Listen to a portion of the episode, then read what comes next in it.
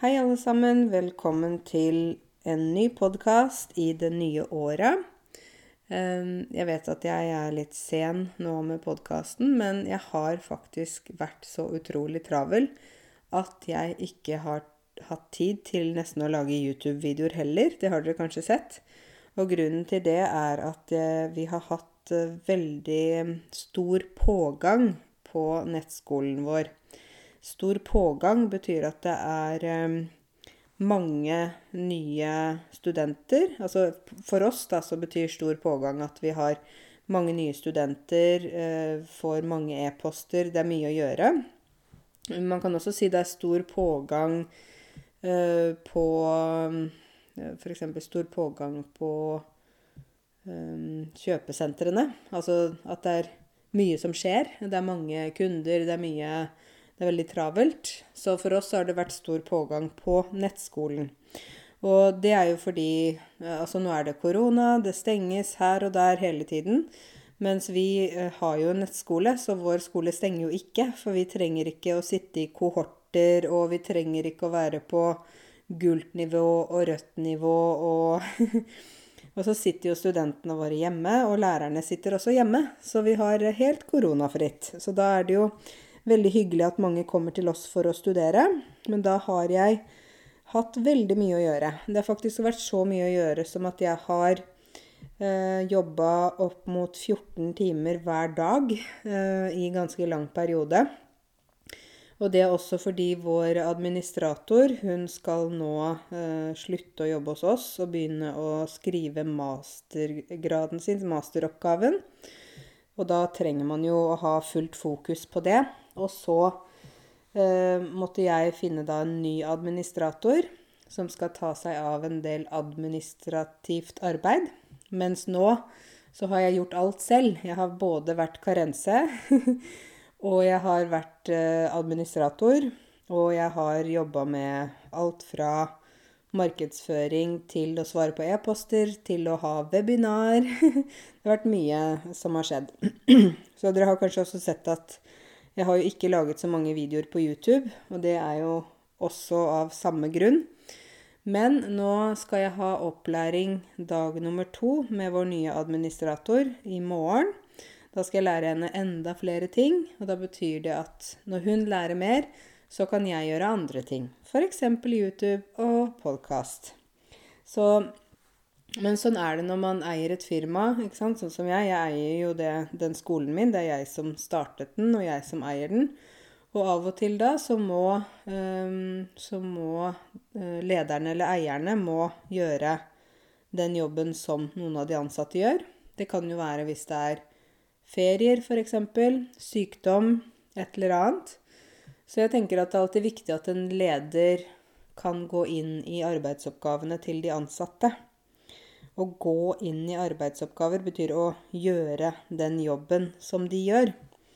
Så jeg er alltid veldig opptatt av at jeg skal hele tiden ha oversikt over hva administratoren gjør, hva lærerne gjør, slik at hvis noe skjer, så kan jeg gjøre det selv. Selvfølgelig er det ikke sånn at jeg ønsker det, fordi jeg har så mye å gjøre, men jeg vil at jeg skal kunne liksom kunne steppe inn, sier vi på norsk. Men steppe inn er jo engelsk. To step in.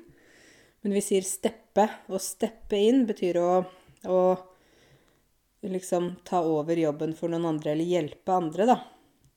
Så vi kan jo si eksempel Ja, hvis, hvis du er syk Hvis du er syk eksempel eh, hvis det er eh, dugnad, da. Ikke sant? Og så er det jeg som har sagt at eh, jeg skal komme på fredag, du skal komme på torsdag. Det er dugnad i borettslaget, f.eks. Og så sier du ja, hvis du er syk, så stepper jeg inn for deg. Og hvis jeg er syk, så stepper du inn for meg. Det betyr at vi tar over for hverandre. Vi hjelper hverandre. Så jeg må, måtte steppe inn i jula. Um, og jeg er jo veldig glad for det. Jeg syns det er kjempegøy at det går så bra. Jeg er veldig glad for at uh, elevene våre er fornøyde, at lærerne er fornøyde. Og de lærerne våre syns også det er kjempegøy, fordi de, de, sier det er så hyggelige elever. De er liksom så takknemlige, og de, de har jo privatundervisning da, med lærerne våre. Så de har sånn én-til-én-undervisning, kaller vi det, når det er privat, da. Så sitter de der eh, på nett ikke sant, og har den privatundervisningen. Og da er det jo læreren og eleven, ikke mange andre. Fordi grunnen til at jeg ikke vil ha at vi skal ha gruppeundervisning på nett på skolen vår, det er fordi Altså, jeg har jo jobbet med nettundervisning veldig lenge. Langt før koronatid. Jeg har jobbet som nettlærer siden 2008. Det blir jo nå 13 år. Og du kan tenke deg at 13 år tilbake så var jo ikke nettundervisning så veldig aktuelt. Det var veldig få som underviste på nett. Det var liksom Det var jo alltid i klasserommet. Det skulle jo alltid være på skole. Man skulle alltid sitte ved et bord. Læreren sto ved tavla. Det, det, man hadde bøker. Eh, ikke sant?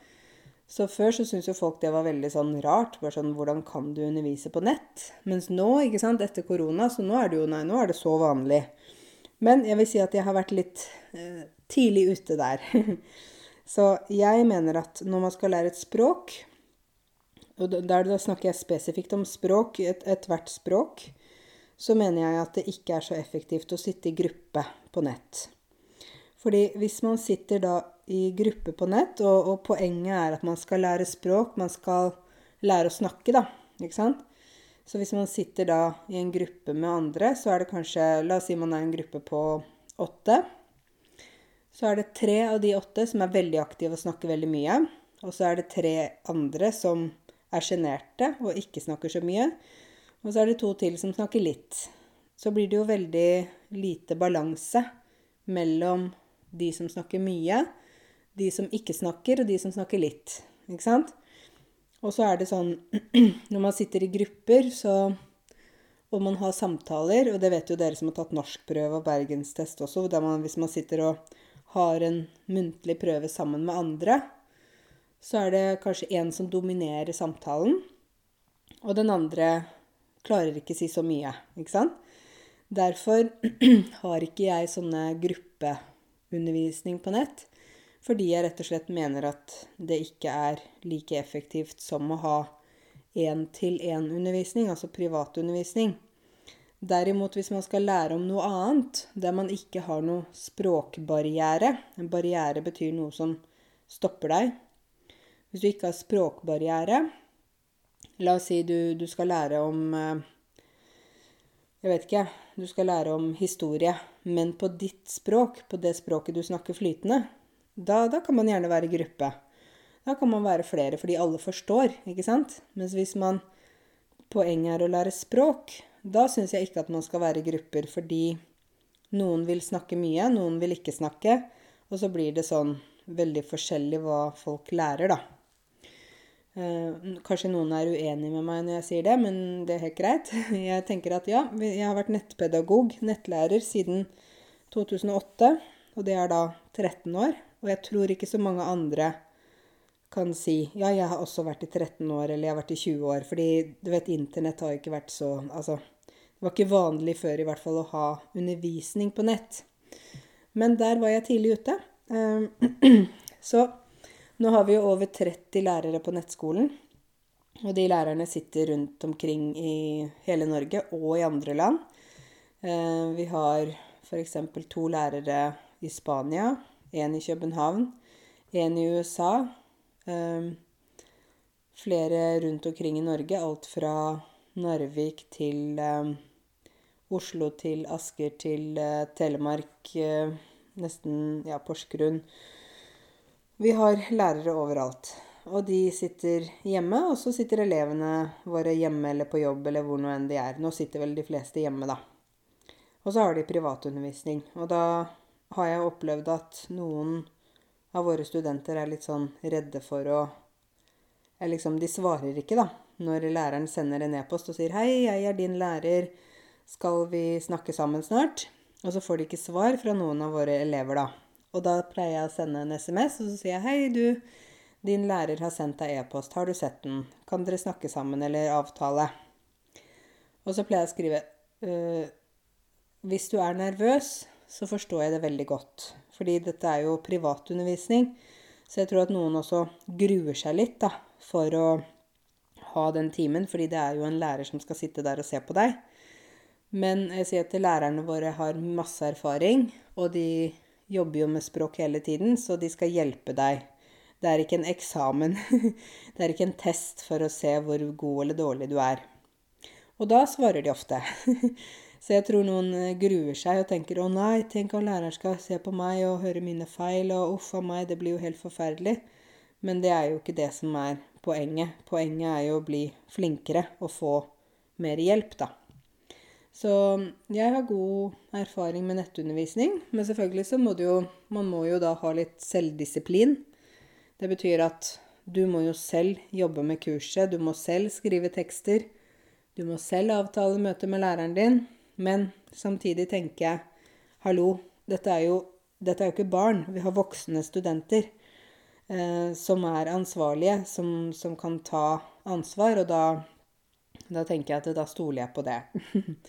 Så vi har kjempemange, fått veldig mange nye studenter. Vi har fått en god del eh, nye studenter fra Nav. Fordi Nav har godkjent ganske mange kurstilbud som vi har laget. Og så er det jo noen som har fått nei fra Nav. Og det kan jo være forskjellige grunner til at Nav sier nei, da. Men det kommer an på hvor lenge man har fått penger fra Nav, hva slags type penger man får, eh, hvorfor man er på Nav, om man hvis man er i mammapermisjon, så gir det ikke støtte. Men hvis man er f.eks. arbeidsledig og alenemor, f.eks., da, da er det litt annen sak. Så det er mye forskjellige sånn grunner til at Nav sier ja og Nav sier nei. Men jeg sier at det, det skader overhodet ikke å spørre. Du kan få ja, eller du kan få nei. Men du har ikke tapt noe hvis du spør. Og sånn tenker jeg generelt hvis man lurer på noe, et eller annet, ikke sant, så, så tenker jeg ja, men hallo. Hvis du spør, det er jo bare et spørsmål, og så får du et svar. Ikke sant? Av og til så tenker jeg at folk er litt redde for å spørre da, om forskjellige ting. ikke sant? Det er sånn Kan jeg gjøre det? Er det riktig sånn? Kan jeg spørre sjefen min om dette? Ikke sant? Men så tenker jeg det verste som kan skje, er at du, du får nei, da. Hvis du spør om noe, kan jeg få lov til noe, så får du nei. Ok, da fikk du nei, da, men da har du i hvert fall prøvd, ikke sant? Så det, det er jeg litt opptatt av, da.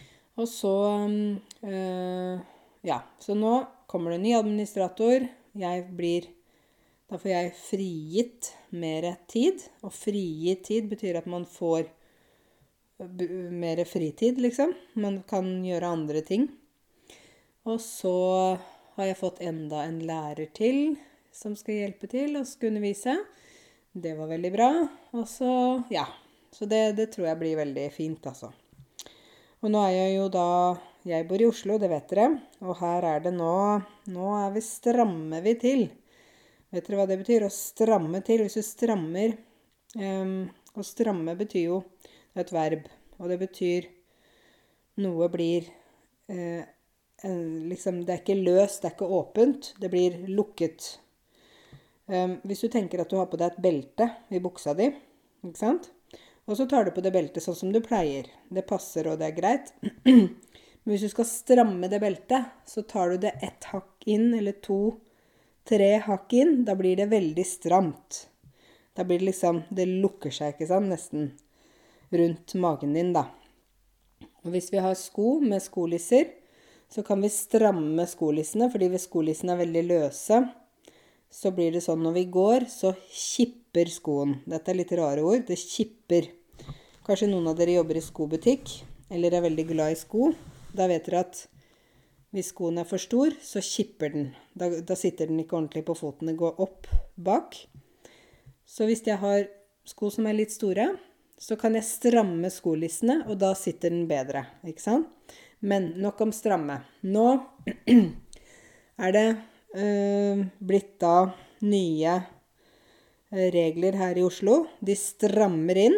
Det betyr de lukker. De gjør det liksom vanskeligere, strengere, fordi det i Nordre Follo, som da er, eh, er en region som ligger nært Oslo, eller naboen til Oslo, de har da fått funnet sånn at det har vært den muterte varianten av koronaviruset som har da det har blitt en, liksom, oppdaget ikke bare ett tilfelle. Et tilfelle betyr at én person har fått det. Ikke ett tilfelle, men mange tilfeller eh, av den muterte varianten av koronaviruset. Og en mutert variant, det betyr at viruset har endret seg. Fra det første viruset som oppsto i Wuhan i Kina, så er den eh, virusvarianten fortsatt på en måte samme virus, men det er mutert, så det har endret eh, seg i Nå vet jeg ikke om jeg sier dette helt riktig, for jeg er ikke biolog, men det har endret seg i arvestoffet i DNA-et, tror jeg. Ikke, ikke, ikke arrester meg hvis jeg tar feil nå. Fordi det er ikke mitt felt. Men i hvert fall for mutering betyr at det er en endring, da. Ikke sant? Og den virusvarianten fra Storbritannia, det er den er mye mer smittsom. Man kan få den mye lettere. Den sprer seg dermed raskere. At noe sprer seg, betyr at det, det går ut til flere. Ikke sant? Hvis jeg hoster, så sprer mine, um, mine bakterier og sånn sprer seg ut i rommet. Ikke sant? Det går utover. Så dette viruset sprer seg mye raskere enn den vanlige varianten.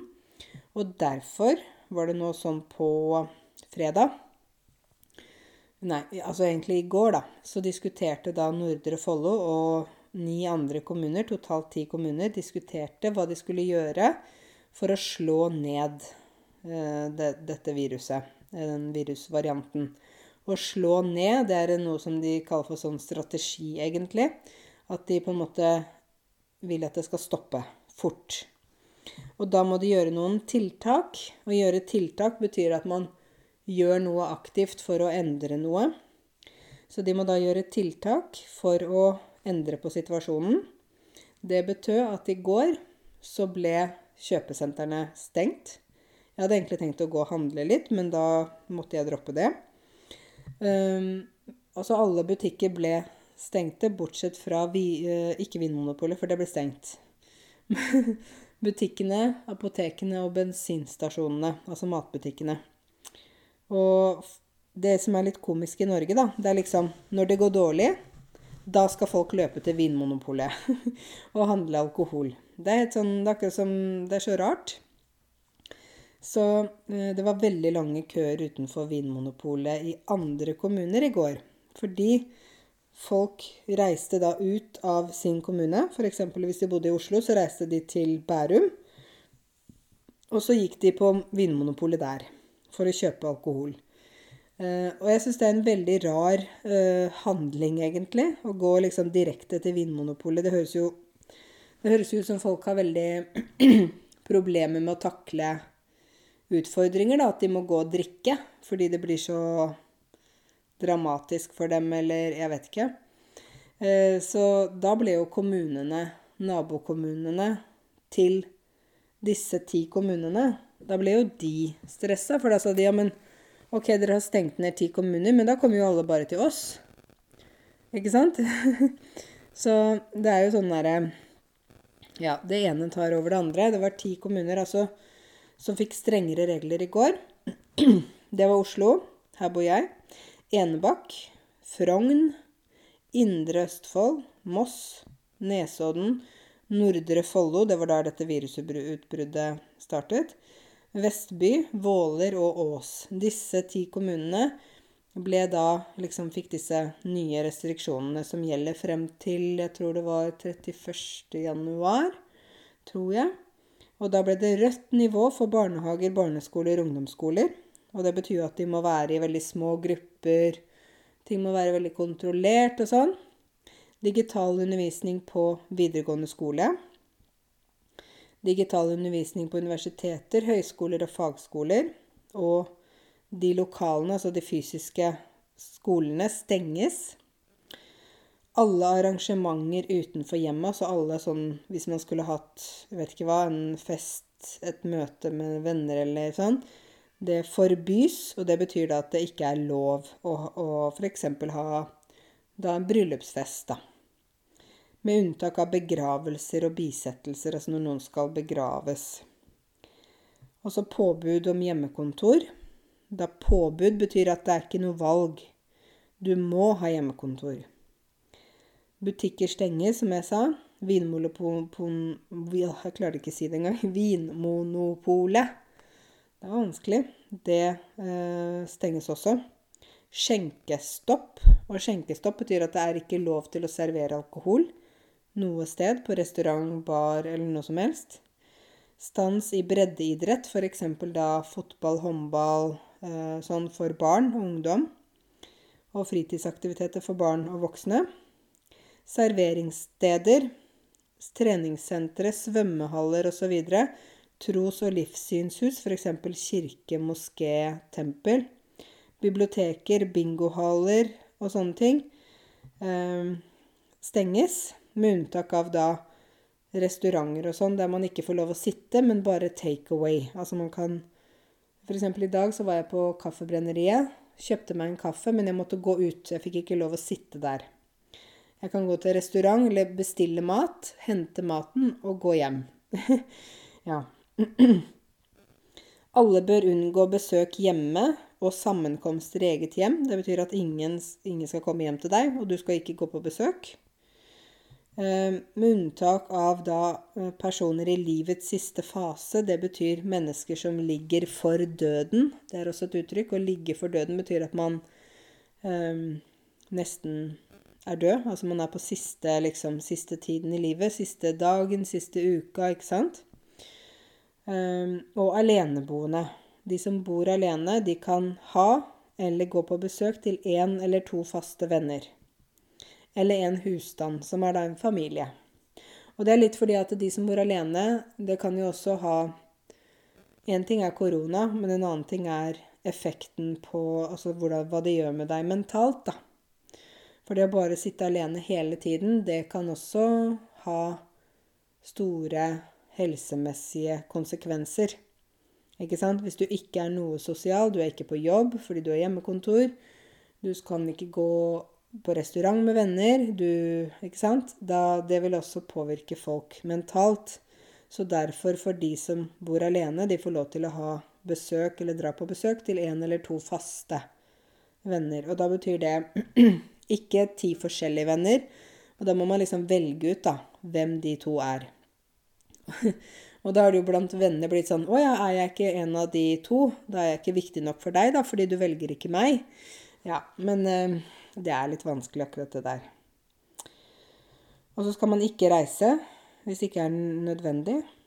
Um, og så er det da frisører og sånn. De stenger ikke, men de må ha enda strengere smitteverntiltak. De må liksom sikkert gå Ikke ha så mange kunder, og jeg vet ikke hva de må gjøre, egentlig. Um, ja. Og så er det ja, unngå reiser, og, og, helst egentlig ikke reise ut av, av kommunen der de bor heller. For jeg som bor i Oslo, da skal da ikke reise en tur til min mamma som bor i Lier, f.eks. For fordi jeg bor i Oslo. Så her er det ting hele tiden, dere. Det er liksom Og sånn tror jeg vi kommer til å leve en stund. Vi har jo begynt vaksinering. Det begynte i romjula. Eh, da var det vel en som heter Svein, tror jeg, som var den som fikk den første vaksinedosen. Og så fikk han dose nummer to nå for ikke så lenge siden. Man måtte jo ha to doser av den, jeg tror det var den Pfizer-vaksinen. Men likevel så er det liksom en lang vei å gå før alle er vaksinerte. Noen vil ikke vaksineres, noen er skeptiske. Altså det er så mange ting som skjer. Um, og hvis vi får mye av denne britiske virusvarianten, så vil, jo, vil det spre seg veldig fort. Og det betyr at veldig mange vil få det veldig fort. Og hvis det skjer, så vil man ikke klare å vaksinere fortere enn ting sprer seg. Og da går det ut av kontroll. Så derfor er det veldig viktig nå at vi slår ned og stenger og gjør veldig sånne inngripende ting. Inngripe, det er et sammensatt ord. Inn og gripe gripe Hvis du tar hånda di, og så tar du liksom Hvis du tar et eple, da. Da griper du det eplet. Ok? Og inngripende, det betyr at noen kommer og nesten tar hånda si inn i livet ditt. Og tar liksom livet ditt, gjør noe med livet ditt. Um, så Mens andre i andre land er jo mye mer vant til å leve med mye strengere restriksjoner. Der er det ikke som jeg synes jo Altså her i Norge så lever vi så fritt. Så for oss at ting stenges ned og det blir veldig strengt og sånn, er litt sånn vanskelig fordi vi er så vant til å ha friheten vår. Og derfor tror jeg også vi ser på det som veldig alvorlig, fordi det er veldig voldsomt, da. Um, så vi får se. Jeg venter jo fortsatt på å få trene med Felicia, min PT, men det ser ut som at det må jeg bare vente med. Uh, og ja. Jeg får jo bare jobbe, da. Jobbe litt for dere og lage litt YouTube og podkast og, og, sånn. Jeg merker jo ikke korona så mye. Altså, jeg må si jeg er jo heldig, jeg har ikke mistet jobben. Ikke mistet huset mitt. Um, jeg eh, er mye ute og går tur med Bahia. Altså sånn, så jeg er heldig. Men jeg tenker på alle de som sitter alene, som er ensomme. Um, de som har mista jobbene sine.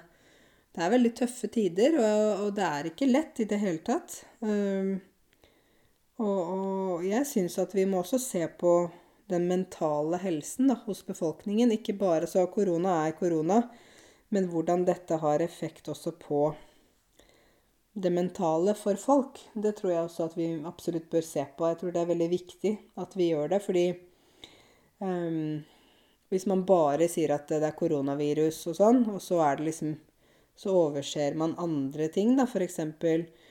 ensomhet, selvmordsstatistikk, altså de som dreper seg selv, tar sitt eget liv. Den har jo økt. Vold og overgrep i hjemmet. Fordi folk må være hjemme, og barn må være hjemme og, og sånn. I familier der det f.eks. oppstår vold og sånne ting. Så dette påvirker jo ikke bare eh, folk som på en måte meg, sånn som jeg har det ganske greit, men det påvirker folk på en annen måte også. Og derfor tenkte jeg at jeg skulle snakke litt om vold i nære relasjoner i denne podkasten også, fordi det har jeg ikke snakket om før.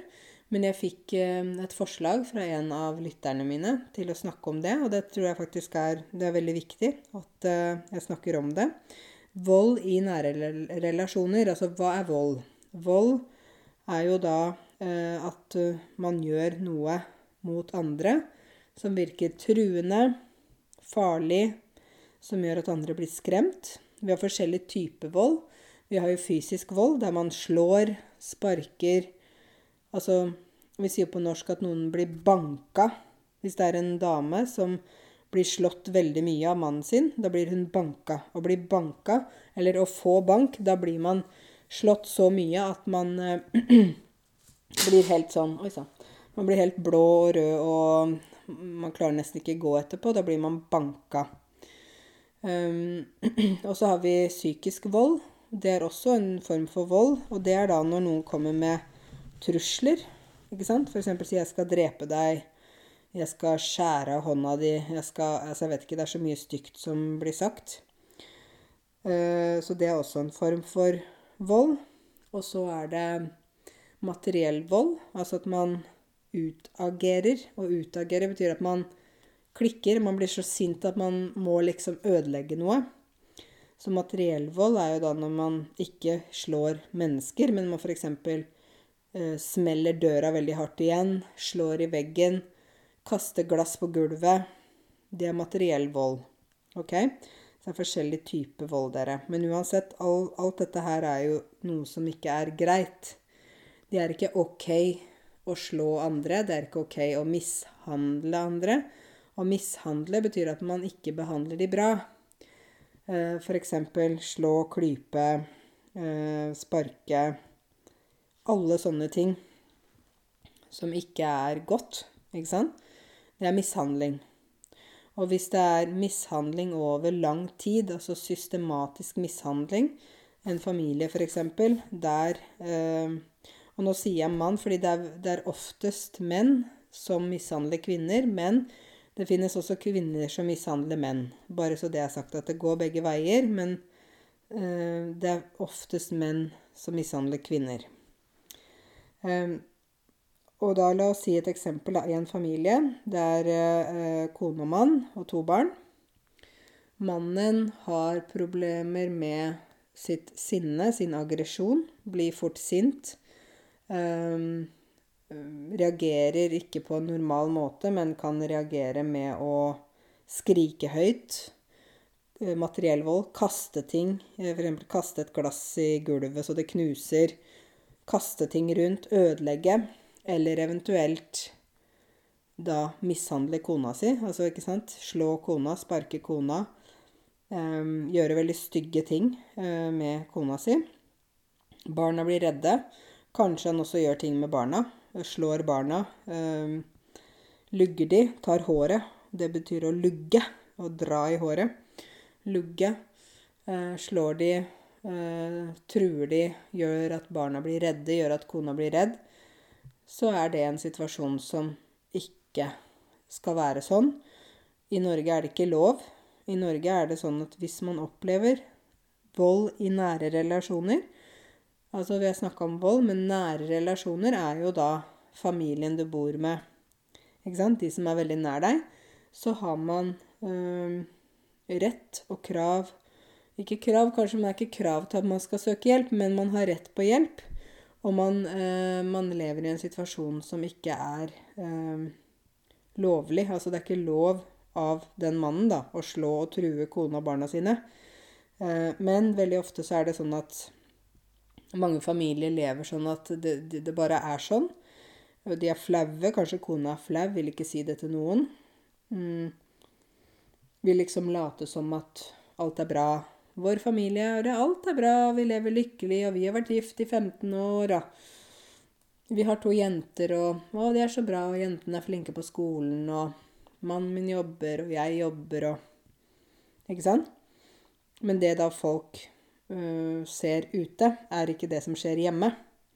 Hjemme kan det være uh, en situasjon der barna og kona er veldig redde. Der de på en måte bare venter til det smeller. Smeller er sånn pang! Ikke sant? Når er neste gang det smeller? Det vet de kanskje aldri. Um, kanskje den pappaen har veldig sånn store problemer med seg selv, men det går utover familien. Selv om de ikke har gjort noe, selv om de bare oppfører seg bra, så kan det likevel gå utover familien fordi de er de nærmeste. Um, og det som da dette Resultatet av dette er at det blir Man blir jo redd. Man blir skremt. Eh, man blir kanskje skada fysisk og psykisk. Eh, kanskje den kona til slutt tror at hun er ingenting fordi hun har blitt slått, mishandlet. Hun har Altså, mannen har drevet med sånn trusler, psykisk vold, skreket til henne, sagt masse stygge ting. Så kanskje til slutt så tror hun at hun øh, ikke er noen ting. Hun kan ikke gå ut av dette ekteskapet fordi hun må være der. Er, han har kanskje sagt til henne 'du er stygg, du er drittkjerring, du, er, du er, har ingen verdi'. Så hun tror til slutt at hun er ingenting. Ikke sant? Hun er på en måte eh, Hun må bare bli der fordi hun er så heldig som har en mann som fortsatt er med henne. Så hun tror at hun kan ikke finne en ny mann. Hun kan ikke finne en ny, ny situasjon, en ny Gå videre. Og så er hun redd for å gå. Fordi hvis hun går, da kan hun virkelig bli slått. Og hva skal skje med barna hvis hun går? Da må hun dra med barna. Og hvordan kan hun dra med barna hvis han ikke sant? Det er en veldig sånn vanskelig situasjon. Dere vet hva jeg mener. Altså, dette skjer i alle land. Um, og, og, i Norge så er det sånn at uh, vi har absolutt også um, denne form for uh, familieproblemer. Det tror jeg er i alle land. Um, men her så er vi jo, i hvert fall vi som er født her, vet at det ikke er lov. Vi, vi aksepterer det ikke. Jeg vil jo si når vi vet at det ikke er lov, og vi vet at det er straffbart Man kan komme i fengsel for det. ikke sant? Man kan få det vi kaller for besøksforbud. Og det betyr at uh, hvis den mannen, da Hvis hun rapporterer til politiet og blir liksom beskyttet av politiet, så kan han få besøksforbud. Og det betyr at han ikke får lov til å komme til huset. Han må kanskje holde seg bort fra huset kanskje i en kilometer. Kanskje et år. Eh, men fortsatt så er det noen som da velger å trosse det. Og trosse noe betyr å gå mot noe, ikke høre på det som blir sagt. Og kanskje likevel går inn i huset og gjør dumme ting. Um, så jeg tenker at um, det er veldig viktig at hvis du som hører på meg nå, uh, opplever vold hjemme, så er det veldig viktig at du vet at det er uh, hjelp å få. Her i Norge har vi et system som skal ta imot deg hvis du opplever dette her. Du har rett på beskyttelse. Du har eh, rett til å anmelde den personen som gjør det mot deg. Du har rett til å bytte navn hvis du må det. Du har rett til å på en måte bytte identitet. Det er jo noen som gjør det. Og flytter til et helt nytt sted fordi de på en måte må skjule seg. De må bytte nummer, bytte navn. Alt må de bytte, ikke sant? På grunn av da kanskje en voldelig partner. Og jeg kjenner jo flere uh, av elever som jeg har hatt uh, gjennom mange år. Mange mennesker jeg har møtt som har levd i veldig forferdelig grusomme situasjoner. Jeg har snakket om fysisk vold ikke sant? Fysisk kontakt. Psykisk vold, altså sånn mental terror. Materiell vold, men det er så mange annen type vold. Seksuell vold, f.eks. Eh, noen som da bruker sex på en voldelig måte, som ikke er Det er ikke kjærlighet, det er ikke godhet. Det er at man gjør ting, seksuelle ting som ikke er det er, ikke, det er ikke fint, det er ikke godt. Ikke sant? Det er bare eh, Ja, det er voldelig. Økonomisk vold, f.eks. At man prøver å ta kontroll på andres økonomi. Ikke sant? Man misbruker visakort.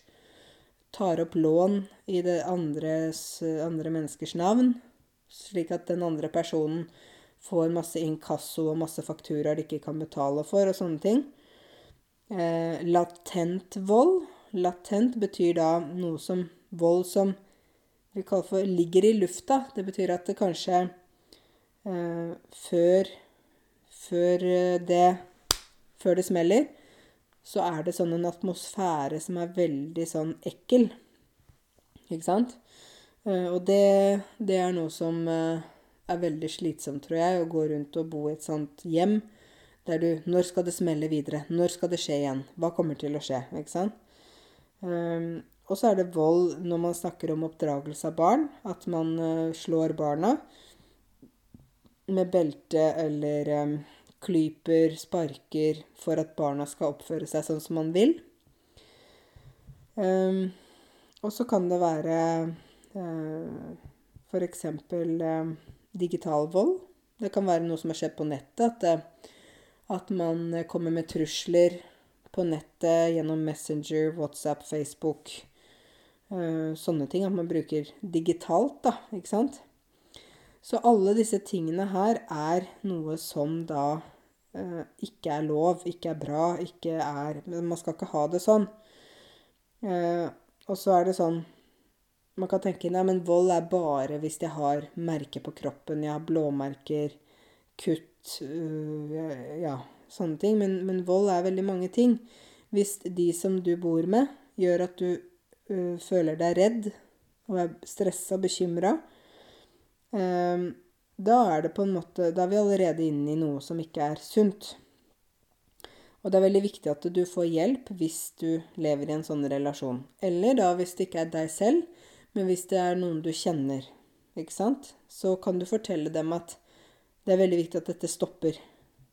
Du må eh, få stoppa det. Og hvordan kan du stoppe det hvis denne kona, da, som har en voldelig mann, hvordan kan hun stoppe han?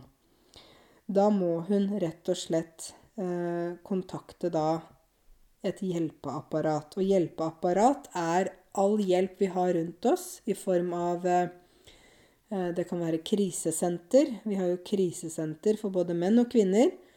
Og krisesenter er et sted da man kommer inn, og de, de får jo folk inn midt på natta ikke sant, med barna sine og sånn, der det er De har rett og slett rømt vekk fra uh, den partneren som har, uh, trua de. Og så, og så, har de tatt, uh, dratt til krisesenteret, og krisesenteret har hemmelig adresse. Fordi hvis det er en veldig voldelig partner, så vil de jo ikke krisesenteret at, at den partneren skal kunne dra eller oppsøke det stedet. Og da er det sånn at krisesenteret tar deg jo inn der og da, men det er ikke et sted du kan bo i lang tid, ikke sant? Et krisesenter er akkurat når det er krise, da. Eh, man kan ringe politiet. Eh, man kan også, hvis det er sånn ikke sånn som er sånn prekært. Prekært betyr noe som skjer akkurat nå. Du må, du må få hjelp nå, nå, nå. Hvis det er noe som du opplever stadig, så kan du også ta kontakt med fastlegen din. Fortell om det der. Um, og du kan også komme inn på et overgrepsmottak, og det er et sted der hvis noen har uh, f.eks. slått deg så mye, eller voldtatt deg, og voldta betyr at uh, noen har sex med deg, men du sier nei, men de fortsetter å presse, skjønner du. Um, og jeg vet at nå snakker jeg om veldig tunge ting, dere, men jeg syns det er viktig å ta det opp, fordi jeg vet at mange der ute lever i situasjoner som er veldig vanskelige. Og jeg syns det er For meg, da, så er det viktig at dere vet hva hvis du selv opplever det, at du vet hvilke rettigheter du har. Og hvis du kjenner noen som opplever dette her, at du også kan fortelle dem. For det er ikke så lett i et nytt land å orientere seg og vite liksom hva skal man gjøre, hvor skal man henvende seg, hvem kan man snakke med, ikke sant? Og da er det viktig å vite hvordan ting fungerer her, da. Um, I Norge så er det sånn at eh, du har rett til tre timers gratis hjelp fra advokat hvis du er i en sånn situasjon. Uh, ja, og sånne ting. Så det er mange rettigheter som man har. Um, og hvis du da f.eks. Eh, lever i et voldelig forhold, der det er vold i nære relasjoner, så kan du ha mange reaksjoner. Du kan oppleve mye med deg selv som du kanskje ikke forstår, men det kan være angst og frykt, at du er veldig redd, du er veldig stressa, nervøs. Skam. Du, du skammer deg fordi du vil ikke at andre skal vite det, ikke sant? Fordi du vil jo at alle bare skal se 'Å, du lever så deilig, fint familieliv', og 'Barna dine er så pene, og mannen din er så snill, og du er så søt og grei', og Ikke sant? Eh, du kan få problemer med å sove. Du kan eh, føle at det er din skyld. Det er på grunn av deg at det skjer, så det er bare din skyld. Du kan få problemer med konsentrasjonen og problemer med hukommelsen. Du husker ikke ting, du glemmer og sånne ting. Du kan være litt sånn irritert. Eh, du kan bli sint for ting som egentlig ikke er noe å bli sint for. Eh, du kan ha plager i kroppen din, f.eks. vondt, vondt i hodet, vondt i magen, sånne ting. Du eh, kan ha problemer med å snakke, ha en vanlig samtale med andre mennesker. Du kan ha veldig vanskelig med nærhet, at du, du liker ikke å gi klem, kysse det er vanskelig å være intim med seksualitet, sånne ting. Du kan være trist. Du kan også få mer sånn økt behov for kontroll, at du trenger å ha kontroll på alt. Trenger å ha kontroll på liksom alt fra matlaging til hvordan dagen skal være, til Du skal liksom kontrollere ting. Du kan føle at du er nummen, og nummen er litt vanskelig å forklare. Altså nummen Du vet, hvis du hvis du sitter med ett bein over det andre, eh, sånn som damer ofte sitter, så har de ett bein over det andre. Eller f.eks. du har armen under puta når du sover, og så våkner du at du kjenner at armen liksom nesten er sånn død. Skjønner du hva jeg mener da? At du kjenner ikke armen din. Altså du Ja. Det er å være nummen. På engelsk sier vi 'numb'. To be numb. Um, det kan du føle. Du kan føle at du er nummen i hele kroppen, og at du ikke kjenner liksom kroppen din helt. ikke sant? Um, du kan ha vanskelig for å stole på andre. Altså at du Du tør ikke liksom å stole på andre fordi du har jo allerede blitt svikta. Uh, du kan si liksom at Også bagatellisere og si 'nei, det var ingenting', og 'nei, det var bare småting', og 'det skal ikke skje igjen', og sånn. At du på en måte prøver liksom å bare Snakke det bort, heter det på norsk. Å snakke noe bort betyr at man bare prøver å ignorere det, eller prøver å liksom Nei, det er ingenting. Eh, du kan selv utagere ved at du selv kaster ting i gulvet, eller smeller i dører, eller blir sint fordi du er i den situasjonen, ikke sant? Noen isolerer seg. De har ikke kontakt med venner, ringer ikke familie, bare er hjemme, vil ikke snakke med noen, ikke sant? Og noen er veldig sånn, føler seg at de er helt alene i verden, at de føler at de har ingen, ingen som de kan snakke med, da. Så jeg syns det er viktig hvis, hvis, dette gjelder deg, hvis du som hører på nå øh, Hvis det gjelder deg, så syns jeg det er veldig viktig at du gjør noe med det. Uh, at du kan uh, Du kan snakke med politiet. Du kan snakke med fastlegen din, fortelle det. Du bør fortelle, fordi du kan ikke leve sånn, ikke sant? Du kan ringe noe som heter Vold- og overgrepslinjen, VO-linja. Det er gratis nummer å ringe, og da kan du snakke med noen om hva som skjer. Og den telefonlinja, den er åpen hver dag, hele døgnet. Altså midt på natta. Altså det er folk som sitter klare til å ta din telefon. Eh, og den nummeret dere, det er 116 006. Jeg sier det en gang til. Volds- og overgrepslinjen, det er altså gratis telefon, og du kan ringe anonymt. Du trenger ikke si hvem du er. Nummeret er 116 006. Og jeg tror kanskje det kan være første skritt for noen. At de, de, vil ikke si hvem de er, de vil ikke si hvor de bor. De vil ikke si, fortelle noe, men de trenger å snakke med noen, ikke sant? Og da kan man ringe det nummeret. Um, en annen eh, webside som kan være interessant å lese på, det er noe som heter dinutvei.no. Så din, D-I-N, utvei, dinutvei.no. Der finnes det informasjon om hjelpetilbud i kommunen der du bor. Og den informasjonen finnes på 13 språk. Og da står det liksom Hvis du bor i den og den kommunen, hvor kan du henvende deg? Hvem kan du snakke med? Og det tror jeg er veldig, også veldig viktig. Um, og så kan det være da krisesenter der du uh, bor, eller nærmeste krisesenter hvis du må faktisk vekk. Og du må være på et sted der du er trygg, der ingen kan komme og ta deg. Da må du kanskje på krisesenter i noen dager eller en uke, eller til vi finner ut hva som man skal gjøre videre. Og overgrepsmottak, det er altså et sted der hvis du har blitt liksom utsatt for vold på en så alvorlig måte at du har blitt slått, kanskje du har brukket noe, du har blitt voldtatt, sånne ting, da kan du komme deg dit. Og så er det jo fastlegen, som jeg sa. Um, går det an å ta opp ting med. Og familieverntjeneste, familievernkontoret der du bor, som også kan hjelpe familier som sliter. Uh, og det, det, er mange uh, alternativer, da. Uh, og så tenker jeg jo det at uh, det som er veldig viktig, er jo at man får hjelp, at man prøver å stoppe og endre situasjonen. For hvis man bare blir i et sånt forhold, da, der den ene er aggressiv og slår og misbruker den andre eller, eller familien sin, det er ikke en, et godt liv. Det er ikke en god oppvekst for barn. Det er ikke Eh, eh, noe som folk skal være i. Det er veldig vondt, det er veldig skadelig. Det ødelegger ikke bare én person, det ødelegger mange. Og det ødelegger også både livet og fremtiden til folk. Og da tenker jeg at da, da er det veldig viktig at dere vet at det finnes det vi kaller for hjelpeapparat, da. Ikke sant? Hjelpeapparat er alle mulige instanser rundt deg som kan hjelpe deg. Alt fra sykehus, politi, fastlege, krisesenter Ja. Så vi har sånne muligheter i Norge.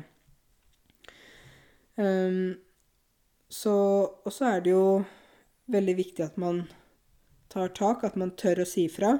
Fordi det skjer ingen endring hvis man ikke gjør noe selv, da. Hvis man bare er i den situasjonen og ikke vil gjøre noe med det, så står man på stedet hvil.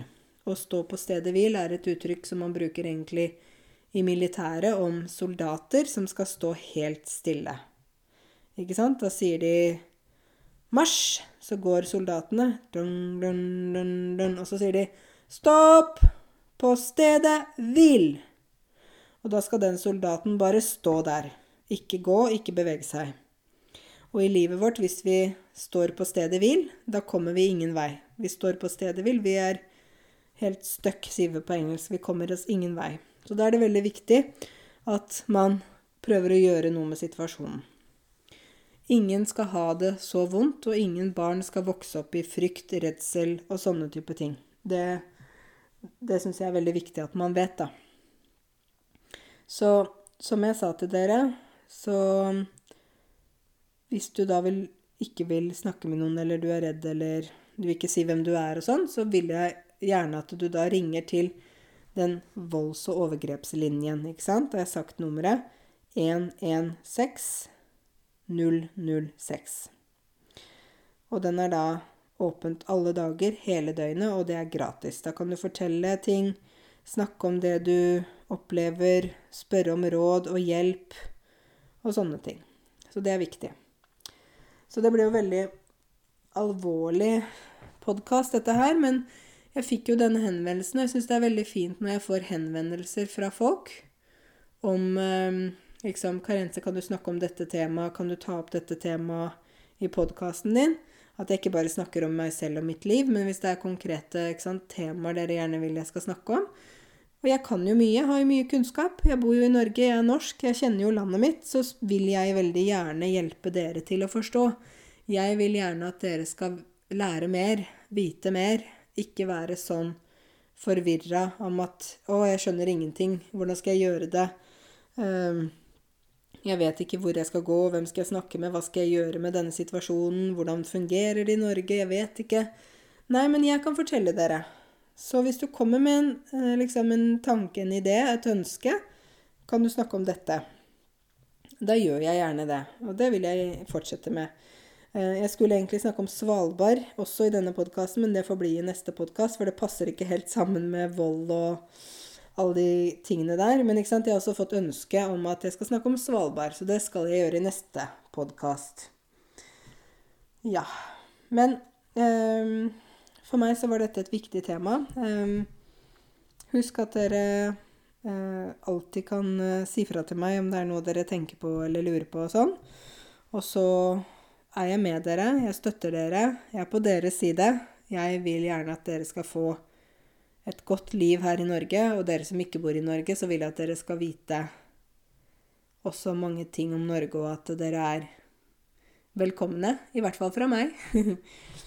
så jeg setter pris på at dere lytter til podkasten min. Håper at dere lærer mye. Og om temaet ikke er noe som berører deg, om det ikke gjelder deg, så er det likevel mye du kan lære, tenker jeg, ved å lytte til, til ting jeg snakker om. Så tusen takk for at du var med meg på denne podkasten her. Ønsker deg en uh, fin uke som kommer. Nå er det jo søndag kveld. Og så tror jeg snart etter hvert at jeg får roe meg litt ned på jobben. Jeg skal ikke jobbe 14 timer videre. Jeg skal få mer tid til podkaster. Jeg får ny administrator, det blir bra. Jeg får også nye lærere, det blir bra. Og så må dere alltid huske på at dere er hjertelig velkomne til nettskolen min også. Da kan dere bare sjekke websiden vår www.note.no. N-O-T-E. www.note.no. Ok? Da ses vi på nett, og så ta vare på dere selv.